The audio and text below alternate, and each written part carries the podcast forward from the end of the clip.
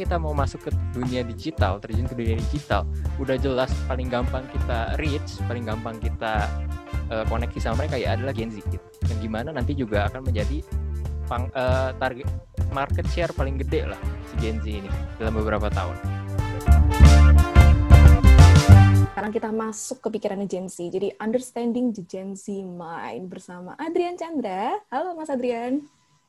Halo Mbak Widi. Halo teman-teman semua. Halo. Jadi yang belum tahu Adrian Chandra, uh, bisa langsung cek di Instagramnya. Biasa dikenal dengan nama Introvert Gaul. Jadi langsung cek-cek di Instagram dan langsung follow ya. Adrian Chandra ini lahir tahun 96, bulan Februari tanggal Tuh. 3, Aquarius. Aquarius Mathematics kita, Mas. Iya betul. Oh. Oke. okay. Dan di Instagram ini Mas Adrian selalu sharing tentang self development dan social skills for introvert. Betul. Hingga saat ini, followers dari Mas Adrian sudah mencapai 144 ribu loh. Wow.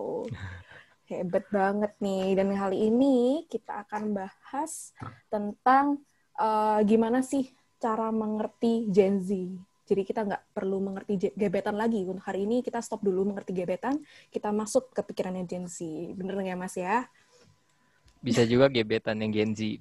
Oh iya benar juga kalau gebetan Gen Z kita bisa masuk pelan-pelan. Tapi kita pikirinnya ke bisnis dulu dong, tetap ya. Kita masuk ke Gen Z and business. Kita mulai langsung gimana mas? Siap ya? Uh, boleh. Ini sebelumnya suaranya jelas nggak? Suara gue atau patah-patah? Jelas. Ada kendala? Jelas? Oke. Okay. Jelas, jelas. Kalau aman kita mulai aja. Aman, sip. Kita langsung masuk. Nah, kita sebelum mengerti pikirannya Gen Z nih, kita harus tahu dulu perbedaannya pasar milenial dan Gen Z ini apa sih? Soalnya kan dulu kan kayak disebut-sebut tuh ini generasi milenial, milenial, milenial gitu. Dan sekarang kita hmm. masuk ke Gen Z. Nah, perbedaannya itu apa sih kalau menurut Mas Adrian? Jadi sebetulnya kan uh, kita harus tahu dulu range Gen Z itu dari kapan. Kalau gue baca dari beberapa sumber, ada yang bilang Gen Z itu sampai tahun 95. Ada juga yang bilang sampai 96 jadi gue sendiri masih bingung, gue ini termasuk Gen Z atau milenial yang bontot gitu. Cuma intinya yang paling kelihatan perbedaannya adalah milenial yang mid, bukan yang deket-deket 95, 94, 96, itu kan sama mirip-mirip sama gue, sama Gen Z yang 96, 98 gitu. Itu masih lumayan deket dan lumayan nyampur. Yang paling kelihatan bedanya itu, yang tadi gue bilang, yang jauh dari 95 dan anak-anak yang umur 2000-an. Contoh kayak Vicky tadi. Nah, yang paling beda pertama adalah dari exposure terhadap teknologi. Kalau mungkin uh, milenial yang sebelum 90-an itu masih ngeras gue juga masih ngerasain sih ngerasain kita tuh gimana harus internetan tuh harus colok telepon kabel yang ada nomornya untuk kita kontak dial up zaman dulu gimana HP itu masih feature phone yang keypadnya ada 9 nomor dan kalau kita lagi SMS-an sama gebetan, misalnya habis pulsa, kita harus lari dulu ke depan beli ke counter pulsa. Kalau zaman uh, generasi Z, itu mereka udah nggak ngalamin yang kayak gitu. Mereka udah dapat akses serba instan dari teknologi. Teknologi itu udah jadi bagian dari kehidupannya mereka. Ya, gue juga ngerasa teknologi udah bagian dari kehidupan gue sih. Tapi gue masih menikmati masa-masa di mana bukan, eh segala masalah yang kita punya nggak diselesaikan sama teknologi. Kalau yang baru, uh, Gen Z yang baru-baru mereka tuh semuanya udah serba pakai teknologi. Paling dasarnya perbedaannya itu sebenarnya. Hmm. Oke, okay. ini sering kita temuin juga ya kayak mengalami nggak sih generasi 90-an yang telepon umum terus yeah, ke warnet gitu-gitu nggak sih Mas? Yes, betul. Sedangkan Gen Z langsung kayak teknologinya langsung kenceng gitu kan. Iya. Yeah. Bener-bener. Betul, betul. Anak kecil sekarang aja udah pegang iPad gitu kan. Oh, oke. Okay. Bener sih. Bener-bener. Makanya tadi uh, Kak Vicky bilang kalau Gen Z ini sebutannya iGen. Kan karena yeah, itu ya. betul. ya. Anak kecil aja udah yeah. pakai iPad gitu kan. Udah pakai iPad. kalau menurut Mas Adrian nih, kita masuk ke pasarnya Gen Z. Kenapa hmm. Gen Z itu jadi pasar yang paling potensial di masa depan? Oke, jadi seperti tahu kita juga dulu uh, peralihan dari zamannya baby boomer dan milenial jadi salah satu pasar terbesar zaman dulu. Tapi kan sekarang milenialnya udah makin dan kita nanti menggantikan posisi Gen Z di society gitu. Dan yang masuk ke posisi milenial pastinya si generasi Z ini.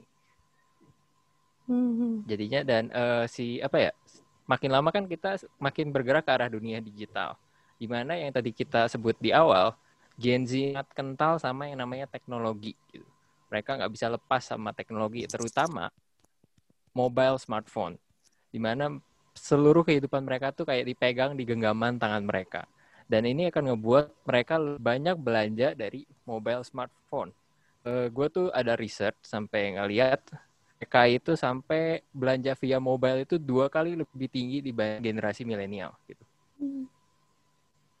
Dan kayak Vicky tadi juga udah ceritakan yang tentang durasi pakai sosmednya. Gue sendiri pernah nanya-nanya ke Ode yang rata-rata umur 18 sampai 24 dan ada yang di bawah itu yang masih muda-muda, mereka bisa pakai sosmed sehari itu sampai 8 jam.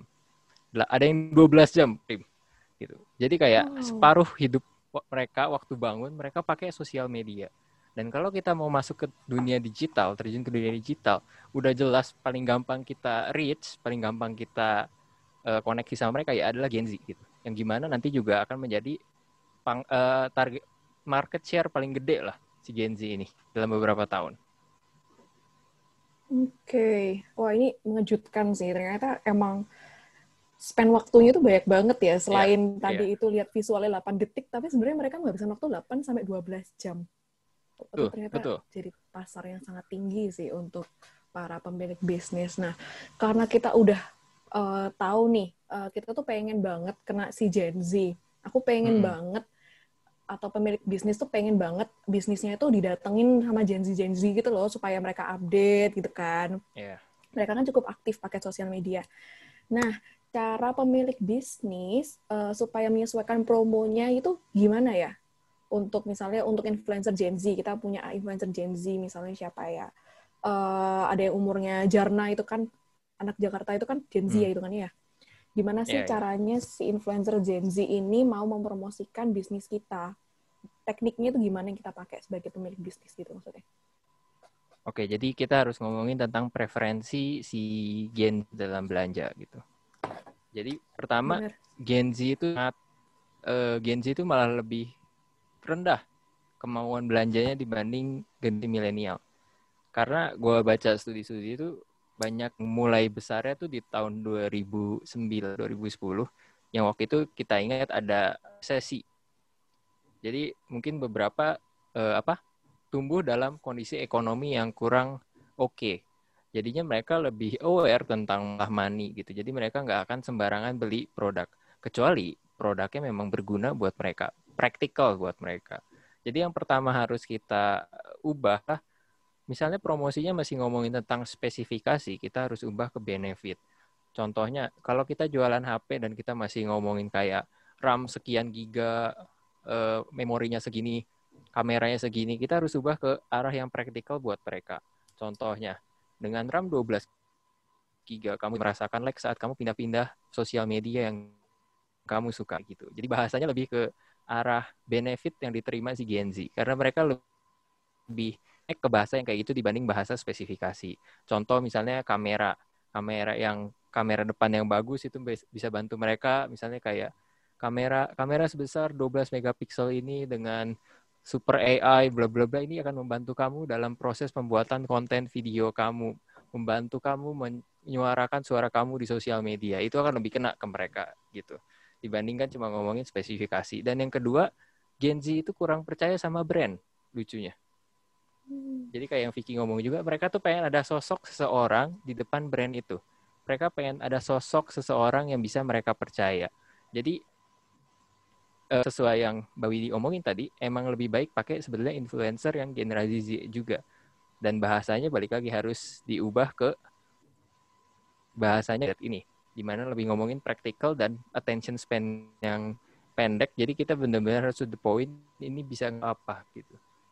Hmm, oke. Okay. Jadi ternyata pemilihan influencer Gen Z ini cukup penting ya untuk menarik pasar Gen Z. Penting karena itu yang mereka nggak tahu kenapa, entah kenapa nggak terlalu suka sama brand. Mereka lebih suka ada orang autentik di depan brand itu yang ngomong ke mereka. Hmm, oke, okay, I see. Tapi mungkin nggak sih mas, kalau misalnya si influencer ini ternyata nggak Gen Z, tapi ya cukup artis cukup terkenal gitu lah. Misalnya Raffi Ahmad mungkin ya. Bisa aja, bisa bisa kena ke pasar Gen Z? yang penting bahasa yang digunakan dan formatnya yang tadi gue bilang jangan Hmm, nggak bisa panjang Oke. yang singkat tapi menarik perhatian mereka Oke, jadi lebih ke ngomong kayak benefitnya aja daripada jelasin produknya gitu ya. iya betul jadi Oke, apa yang bisa Hmm, uh, mereka, berarti didapat dari mereka lebih produk ini Hmm, iya sorry gimana? Lanjutin dulu, aja. Mbak oh iya dah ya jadi kayak lebih ke arah yang apa yang mereka bisa dapatkan dari produk ini produk ini akan membantu mereka di aspek kehidupan mana gitu.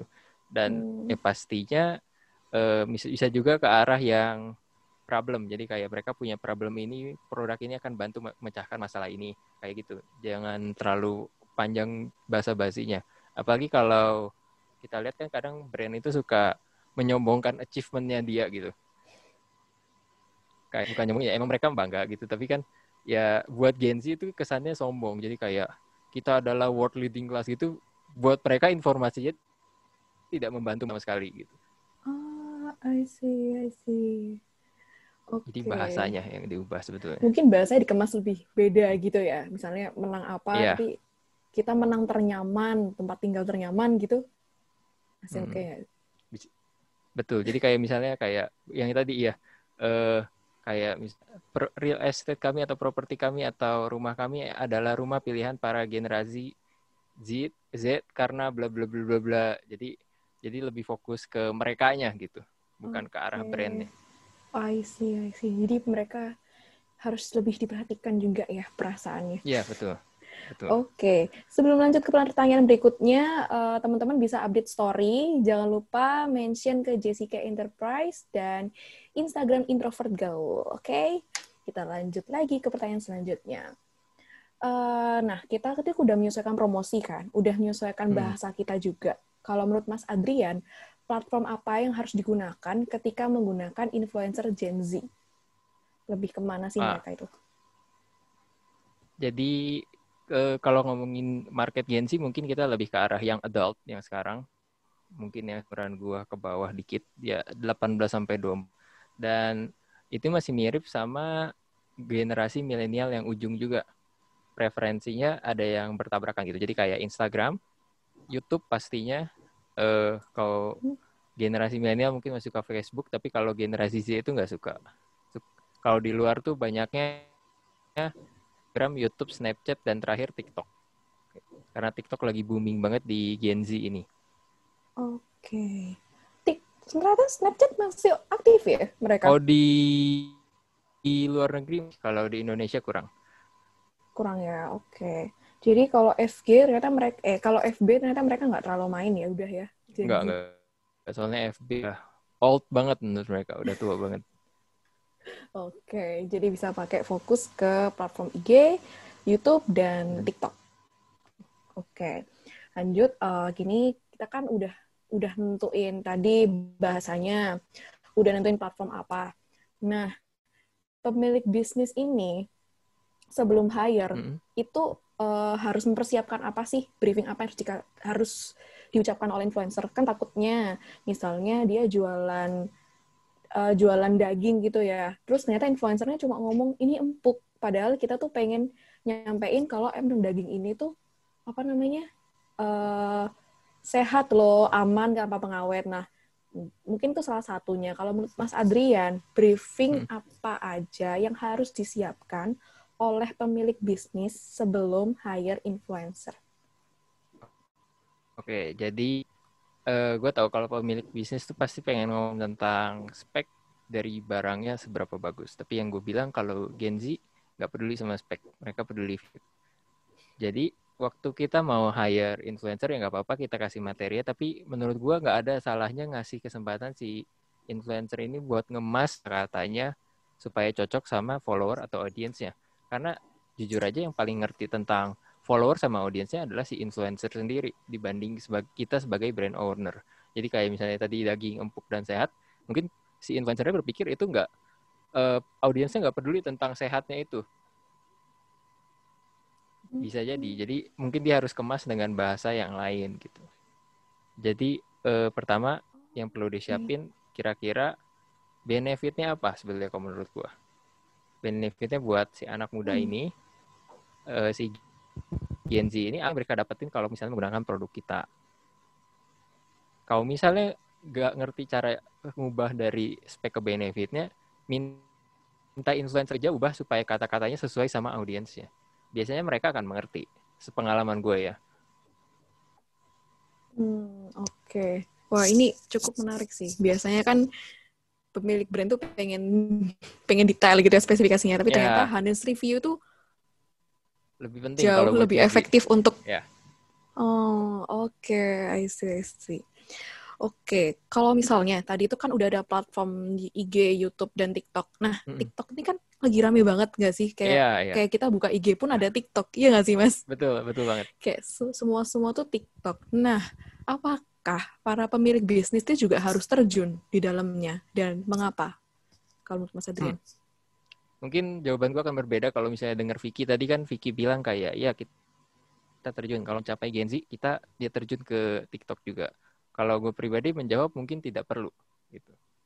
Karena kita ingat masih ada platform-platform lain, sebenarnya ada YouTube, ada Instagram, nggak harus wajib ke TikTok. Tapi kalau mau menjangkau yang ada TikTok, ya boleh bikin itu atau enggak kita pakai TikTok Ads saja. Kan TikTok sekarang udah buka jasa Ads. Kita bisa nge-adsin produk dan lain-lain lewat TikTok. Jadi sebenarnya kita harus terjun ke TikTok juga karena gue tahu gak semua orang suka TikTok, termasuk gue gitu gue pernah nyoba terjun ke TikTok juga tapi kurang suka aja sama platformnya entah kenapa hmm oke okay, oke okay. jadi nggak harus ya kayak misalkan kadang ada yang kepikiran tuh kayak harus nggak ya aku bikin video TikTok bahkan sekarang tuh media-media iklan tuh udah ada loh mas yang media promosinya TikTok jadi kalau menurut Mas Adrian misalnya yeah. Pemilik bisnis si A ini punya akun TikTok itu efektif nggak? Mm Tergantung banget soalnya. Kalau udah ngomongin kalau konten kreator kan gampang ya. Kalau konten kreator tuh bisa ngikutin format hmm. kontennya masih mirip-mirip.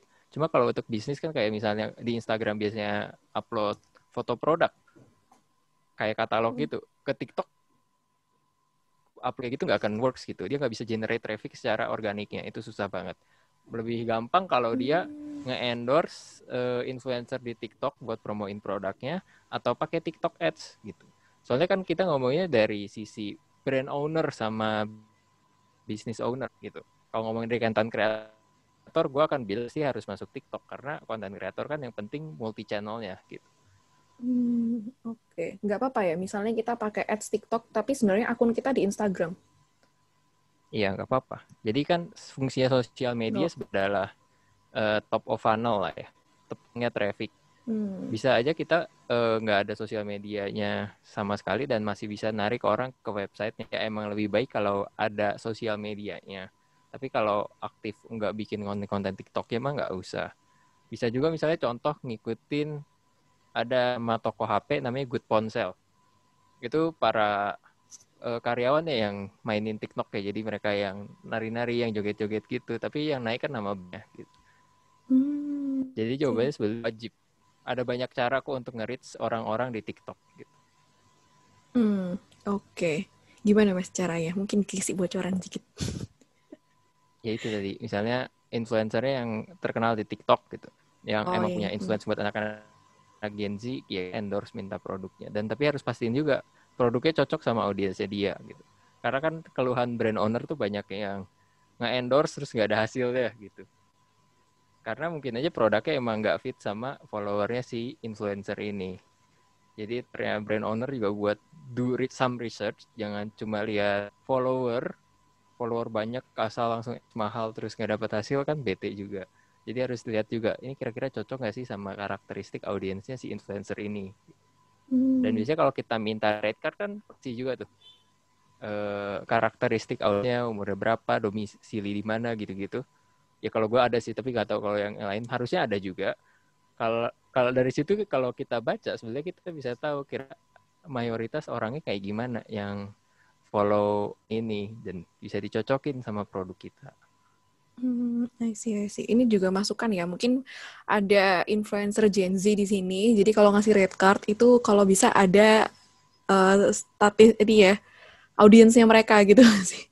Inside audience-nya. Ya, inside audience-nya mereka, bener ya. Itu hal yang cukup penting untuk para pemilik bisnis. Supaya mereka nggak salah juga ngiklannya, ya kan ya? Oke. Okay. Biar sama-sama enak lah. Bener, bener. Suka akal tuh. Nah, kalau misalnya uh, si para pemilik bisnis ini pengen tahu gitu loh ketertarikan generasi Gen Z. Jadi kalau misalnya hmm, bisnisnya daging tadi ya, dia tuh pengen inovasi, hmm. tapi pengen tahu gitu loh ketertarikannya Gen Z sekarang tuh apa sih? Mereka lagi suka makan apa sih? Mereka lagi uh, hobi nongkrong di tempat yang kayak gimana sih? Nah, kalau dari Mas Adrian ada masukan nggak gimana caranya para pemilik bisnis mendapatkan insight tren, ketertarikan atau karakter Gen Z? Kalau ngomongin tren bisa bersumber. Contohnya biasanya orang akan selalu ngomongin Google Trends uh, jumlah keyword ini dicari naik atau enggak gitu. Terus bisa juga langsung dari sosial media tempat-tempat Gen Z muncul gitu. Eh, nongkrong gitu. Contoh di TikTok, lihat aja di FYP lagi rame ngomongin apa gitu. Yang lagi viral konten apa kan kayak oh dari Mang Oleh semuanya tahu gitu. itu pasti itu pasti trennya lagi naik. Habis itu misalnya apa lagi yang baru ya? Uh, iPhone 12 baru muncul gitu. Itu misalnya ada di TikTok, ada di mana itu juga pasti akan naik kelihatan trennya. Kalau kita nyemplung ke tempat-tempat Gen Z ada dan ikutan liatin konten yang mereka lihat, kita bisa tahu kok trennya sebetulnya mereka lagi suka apa. Dan yang pasti harus tetap research mereka itu punya masalah apa saat ini. Oke, jadi para pemilik bisnis juga harus aktif untuk bersosial media ya, biar nggak ketinggalan zamannya nggak sih mas? Iya, iya jadinya. Ya, karena kan kalau main sosial media harus lihat tren ya. Memang harus lihat tren dan harus hmm. nyemplung juga. Kalau nggak nggak tahu. Bener-bener. Oh, Dading Mang Oleh itu keren sih. Dia bermodalkan HP langsung viral banget gak sih? Iya, iya. Rasa Iron Man. Dan ada di semua platform kan. Iya, ada di iya, YouTube, bener. ada di Instagram, ada di TikTok. Gitu. Bener banget. Itu... Wow. Untung masnya masih tetap jualan odading ya. Kalau nggak kalau enggak dia bisa jadi influencer nanti kan. Eh dia udah jadi influencer, Pak. Yang jual odadingnya oh, bukan iya? dia. Iya, dia dia udah dia bukan bukan yang jualan itunya. Dia cuma promoin doang oh. gitu. Oh iya. iya oh, baru tahu. Oke, okay, kita bahas nanti, Mas. Oke. Okay. Oke, okay. kita ketika kita udah masuk ke insight uh, ketertarikan karakter Gen Z, kita harus update. Hmm. Nah, sekarang kita masuk ke kebutuhan Gen Z. Kadang itu kita tuh mikir kan, kalau Gen Z ini sebenarnya anaknya masih kecil gitu loh. Yep. Kayak masih SMP, SMA. Padahal ini tahun 2020, bahkan yang kelahiran tahun 2000 pun umurnya udah 20 loh. Iya gak sih? Udah iya, gede yeah, gitu. Yeah, betul. Nah, kadang para pemilik bisnis tuh masih mikir kayak harga aku kemahalan gak ya buat Gen Z? Harga aku ini hmm. uh, worth it nggak ya buat Gen Z gitu-gitu loh. Nah, pertimbangan pertama Gen Z sekarang apa sih? Apakah masih di harga atau di mana? Sebetulnya bisa kalau bila, bilang jujur pasti tetap ada urusannya sama harga. Karena eh, mau beli apa pun semuanya pasti ada harga. Murah sama mahal kan relatif. Gitu. Tapi pertimbangannya yang lain mungkin beda milenial. Kalau milenial tuh lebih ke arah experience positif kan jadi kalau kita membeli ini kita dapat experience apa, dapat value apa lebih. Kalau si G tadi yang praktikal, benar-benar praktikal kayak ini gue butuh nggak ya, bisa ngebantu gue nggak ya gitu. Kalau hmm. cuma ngasih value atau experience, mereka mungkin tertarik, apalagi dengan harga yang nggak cocok sama mereka. Jadi penawarannya harus diubah ke arah benar-benar ngebantu masalah mereka. Oke. Dan tentunya pricing bener -bener, karena yang kita bilang, hmm. iya karena apa yang kayak Mbak Widi bilang tadi kan anak umur uh, anak 2000 kelahiran 2000 itu udah 20 tahun. Tapi kita harus lihat dong, berarti kan income-nya di Gen Z ini kira-kira berapa gitu per bulannya. Mungkin nggak gede-gede banget. Jadi kalau kita harga sampai yang premium yang 5 juta gitu, mereka mungkin susah banget buat beli gitu. Oke, okay, oke. Okay. Jadi uh, selain para pemilik bisnis bisa masuk ke Gen Z, juga harus ada penyesuaian ya mas ya untuk yeah. harga mungkin ya dan kebutuhan-kebutuhan Gen Z lainnya gitu supaya ternyata kalau dipikir-pikir dari perbincangan kita Gen Z ini sangat perhitungan ya mas ya kayak untungnya hmm. buat aku apa ya kalau beli ini kayak gitu-gitu nggak sih? Betul betul mereka emang bisa dibilang lebih apa ya lebih ego mungkin daripada yang lainnya dan mungkin juga karena dari itu efek sosial media karena mereka udah biasa banget sama sosial media nggak bisa sehari-hari di sosial media persepsi mereka terhadap kehidupan tuh beda jauh Jadi kayak zaman dulu kita mungkin nonton TV kan. Dan jam-jamnya Hmm. bolehnya tertentu doang mungkin. Gue nggak tahu yang lain. Kalau gue dulu jam-jam tertentu doang. Nggak boleh yang sampai malam banget. Tapi benar-benar eh, informasinya kita dapat itu dibatasin. Tapi karena mereka benar-benar udah berpegang sama smartphone ini, mereka bisa akses informasi apa aja. Pikiran mereka tuh lebih luas dan lebih terbuka. Makanya buying decision beda. Hmm, oke, I see, I see. Kita masuk ke pertanyaan terakhir dan habis ini kita masuk ke sesi Q&A ya. Boleh, boleh. Pertanyaan terakhirnya, tips agar bisnis mendapatkan perhatian dari Gen Z. Nah, ini tips-tipsnya apa nih, Mas? Kunci-kuncinya. Kalau dari gue paling penting adalah pertama eh, fokus dulu sama merekanya. Apakah produk yang kita tawarkan, jasa yang kita tawarkan benar-benar mereka mereka ingin dan bisa ngebantu mereka. Karena itu salah satu syarat pertama untuk bisa nembus pasar Gen Z. Dan yang kedua adalah mulai menggunakan sosok seseorang di brand. Karena mereka nggak mau nggak mau ngobrol sama brand, mereka mau ngobrolnya sama orang di depan salah satu alasan kenapa mereka perlu orang banget tuh karena Gen Z itu disebut sebagai generasi paling kesepian di antara generasi yang lain.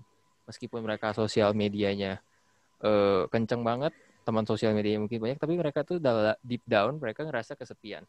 Entah kenapa gitu. Jadi mereka akan kayak ya perlu sosok orang depan kamera yang kayak ngomong sama mereka, yang memberikan pesan, yang memberi bantuan kepada masalah mereka. Jadi kalau paling penting menurut gue dua itu dulu. Habis itu baru mungkin pricing dan offer yang lain-lain. Oke. Ini sebenarnya Gen Z ini nggak jauh-jauh dari anak puberti gitu nggak sih? Remaja-remaja awal Iya, gitu. betul. Betul. Mereka lagi puber dan karena mereka ke expose sama sosial media, mereka mereka tuh pernah bisa dibilang lebih banyak daripada waktu kita masih remaja gitu. Mereka tuh udah kenal Hmm. namanya body shaming dari umur kecil, udah dihina sama temennya, di cyberbullying sama temennya dari kecil. Iya. gitu dibanding kita. Jadi makanya mereka tuh lebih ngerasa kesepian dibandingkan generasi kita. Oke, itu menarik banget sih. Nah, kalau misalnya apa namanya, eh, kit- mereka kan butuh sosok tuh mas eh, untuk diajak ngomong. Hmm. Kalau misalnya nggak pakai orang, tapi cuma pakai icon gitu gimana? Kayak icon gambar kartun gitu? Oh, waktu kemarin gue webinar juga pernah dapat pertanyaan ini. Kalau gue pribadi gue bilang nggak bisa karena mereka sosok sosok sosok tuh maksudnya apa ya? The, the emotion gitu. Sosok manusianya ya. Kalau kartunnya beremosi ya mungkin aja jadi kayak ada si wajah, ada tone ngomongnya gitu. Tapi gue rasa lebih baik emang ada wajah orang depannya gitu. Sosok yang mereka bisa look up tuh sosok yang bisa mereka kayak ajak ngobrol, eh, mereka idolakan itu lebih penting. Oke, tetap harus ada ya. Oke, kalau Iya. gitu. Kit- udah selesai eh, untuk apa tanya jawab aku bersama Mas Adrian. Kita masuk ke sesi Q&A. Yang pertama dari Tania. Hai Kak Adrian, aku punya digital marketing studioku sendiri. Punya rencana rekrut banyak Gen Z untuk timku yang ujungnya harus Hmm. berurusan dengan fee. Menurut Kak Hmm. Adrian, sebenarnya gimana seharusnya negosiasi harga dan fee dengan Gen Z? Apakah ada teknik atau pendekatan khusus? Apakah ada materi atau jumlah fee jadi pertimbangan penting bagi mereka? Nah, ini menurut Mas Adrian gimana? Oke, jadi untuk ngomongin pertimbangan karir Gen Z, fee banget penting. Karena gue ceritain tentang sosial media, mereka tuh punya persepsi yang berbeda sama dunia kita dulu. Zaman dulu mungkin kita pikirannya kuliah, kerja, nabung, nabung punya duit, mungkin bangun usaha gitu kan. Kalau mereka tuh karena udah lihat sosial media, mereka tuh ngelihat sosok-sosok para trainer yang umur 20-an tapi sukses dan duitnya banyak dan mereka berpikir itu sangat masuk akal. Jadi pertimbangan buat masuk ke kerjaan adalah uang pastinya salah satunya. Oke. Sama ya pengalamannya juga. Hmm, hmm, hmm. Kalau apa ya tips atau materi juga kurang tahu karena gue belum pernah ngerekrut orang Gen Z secara langsung. Cuma yang pasti eh, biarkan mereka nego lah. Jadi kayak mereka tuh kan senang, senang terlibat kayak kata Vicky bilang. Mereka senang terlibat. Jadi waktu kita ngomongin gaji dan tunjangan dan lain-lain, negosiasi sama mereka ngobrol ajak ngobrol kayak lu butuhnya segimana gitu gue sanggupnya bayar segini lu terima atau enggak gitu gitu lebih open aja Hmm. Oke, oke. Jadi uh, semoga menjawab ya kata Nia. Semoga. Ini uh, jadi tetap fee tapi bisa dinego mungkin dari mereka bisa ne bisa minta berapa nanti kita pertimbangkan gitu ya Mas modelnya. Hmm, ya. Yeah. Oke. Okay. Oke, kita pertanyaan terakhir dari Muhammad Ikhwan Sofan. Mau tanya dong Kak, bagaimana cara membangkitkan semangat Gen Z yang lebih suka jalanin pikiran atau ide sendiri, dalam kurung introvert. Ketimbang saran-saran dari mentornya, kadang pada saat dipus lebih memilih rilis daripada nurut. Hehehe gitu.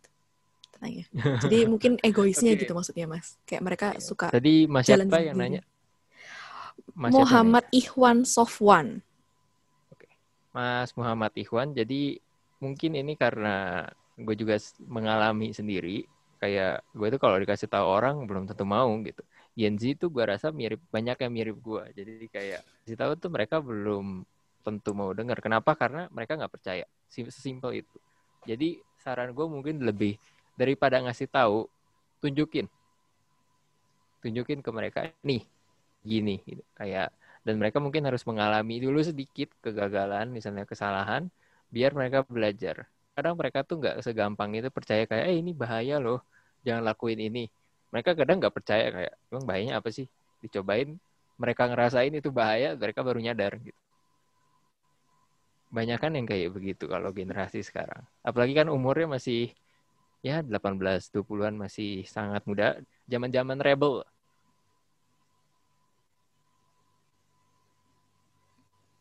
Oke, jadi uh, biarkan mereka berkreasi nanti kalau ada dampaknya biar tahu sendiri gitu ya Mas ya jadi. Iya lebih jadi okay. kayak sama ngajarin tuh jangan ngomong doang, jangan diomongin doang maksudnya lebih ke arah kita tunjukin, praktekin. Nih kayak gini caranya. Oh, oke. Okay. Dan biarkan mereka mencoba sih gitu. Jangan jangan benar-benar apa ya di apa ya sebutannya micromanage di micromanage yang hmm. kayak harus dikasih tahu lo harus gini harus gini harus gini harus gini okay. semuanya dari step sampai detail-detailnya mereka nggak akan suka mereka rebel mereka pengen punya caranya sendiri gitu jadi kasih bigger picture ya tujuh caranya biarin mereka lakuin dengan caranya sendiri Oke, semoga menjawab ya Mas Muhammad Ikhwan Sofwan. Dan ini ada pertanyaan terakhir nih Mas Adrian. Dari Mas Thomas Yohono. Coba kakak introvert gaul, jelasin dong gimana dampak Gen Z yang extrovert dan gimana dampak Gen Z yang introvert. Kasih insight di dalam hal itu dong, which is more powerful. Oke, jadi masa introvert extrovert sebetulnya bilang itu kayak zodiak lah. Nggak terlalu ngaruh sebetulnya. Pada nyatanya, hmm. masalah yang sering dibilang sama orang terjadi di introvert, terjadi juga di extrovert dan sebaliknya gitu. Jadi kalau gue tidak akan mukul rata Gen Z berdasarkan introvert sama extrovert. Apalagi marketing, karena itu tidak menggambarkan apa-apa itu maksudnya gue. Jadi kalau mau dibilangi, oh, kalau Gen Z extrovert gini, Gen Z introvert gini enggak. Karena kita kan emang ngomongin Gen Z, tapi kita masih ngomong yang uh, apa ya, permukaannya doang, belum ke dalam. Kalau kita lihat ke dalam, Gen sendiri itu beda-beda anaknya. Nggak bisa kita stereotype pakai sama ekstrovert. Meskipun nama gue introvert gaul, yang gue omongin tuh bukan masalah introvertnya, tapi masalah tentang percaya diri, public speaking, sama social skillsnya. Dan uh, apa ya, anak ekstrovert yang nggak bisa ngobrol tuh ada loh. Yang pemalu tuh ada loh. Yang minderan tuh ada loh. Gak semuanya karena introvert begitu. Dan gak semua ekstrovert begitu. Jadi mungkin gue kurang bisa jawabnya karena itu terlalu overgeneralisir kalau gue sebut sebutin kayak gitu. Tapi kalau secara main, secara buying decision, orang tuh mirip-mirip juga kok. Hmm, Oke, okay. jadi nggak terbatas ya introvert maupun extrovert. Hmm. Sebenarnya mereka itu daya tariknya sama gitu nggak sih jadinya? Iya, mereka pasti okay. lebih senang belanjanya dari mobile, lebih peduli sama sesuatu yang berguna buat mereka. Tapi yang bergunanya ini yang beda-beda kan. Hmm. Oke, okay, I see. Kalau boleh saya simpulkan dari percakapan hari ini dengan Mas Adrian, jadi Gen Z ini merupakan pasar yang sangat potensial, apalagi di sosial media, karena mereka menghabiskan waktunya 8 sampai 12 jam untuk di sosial media.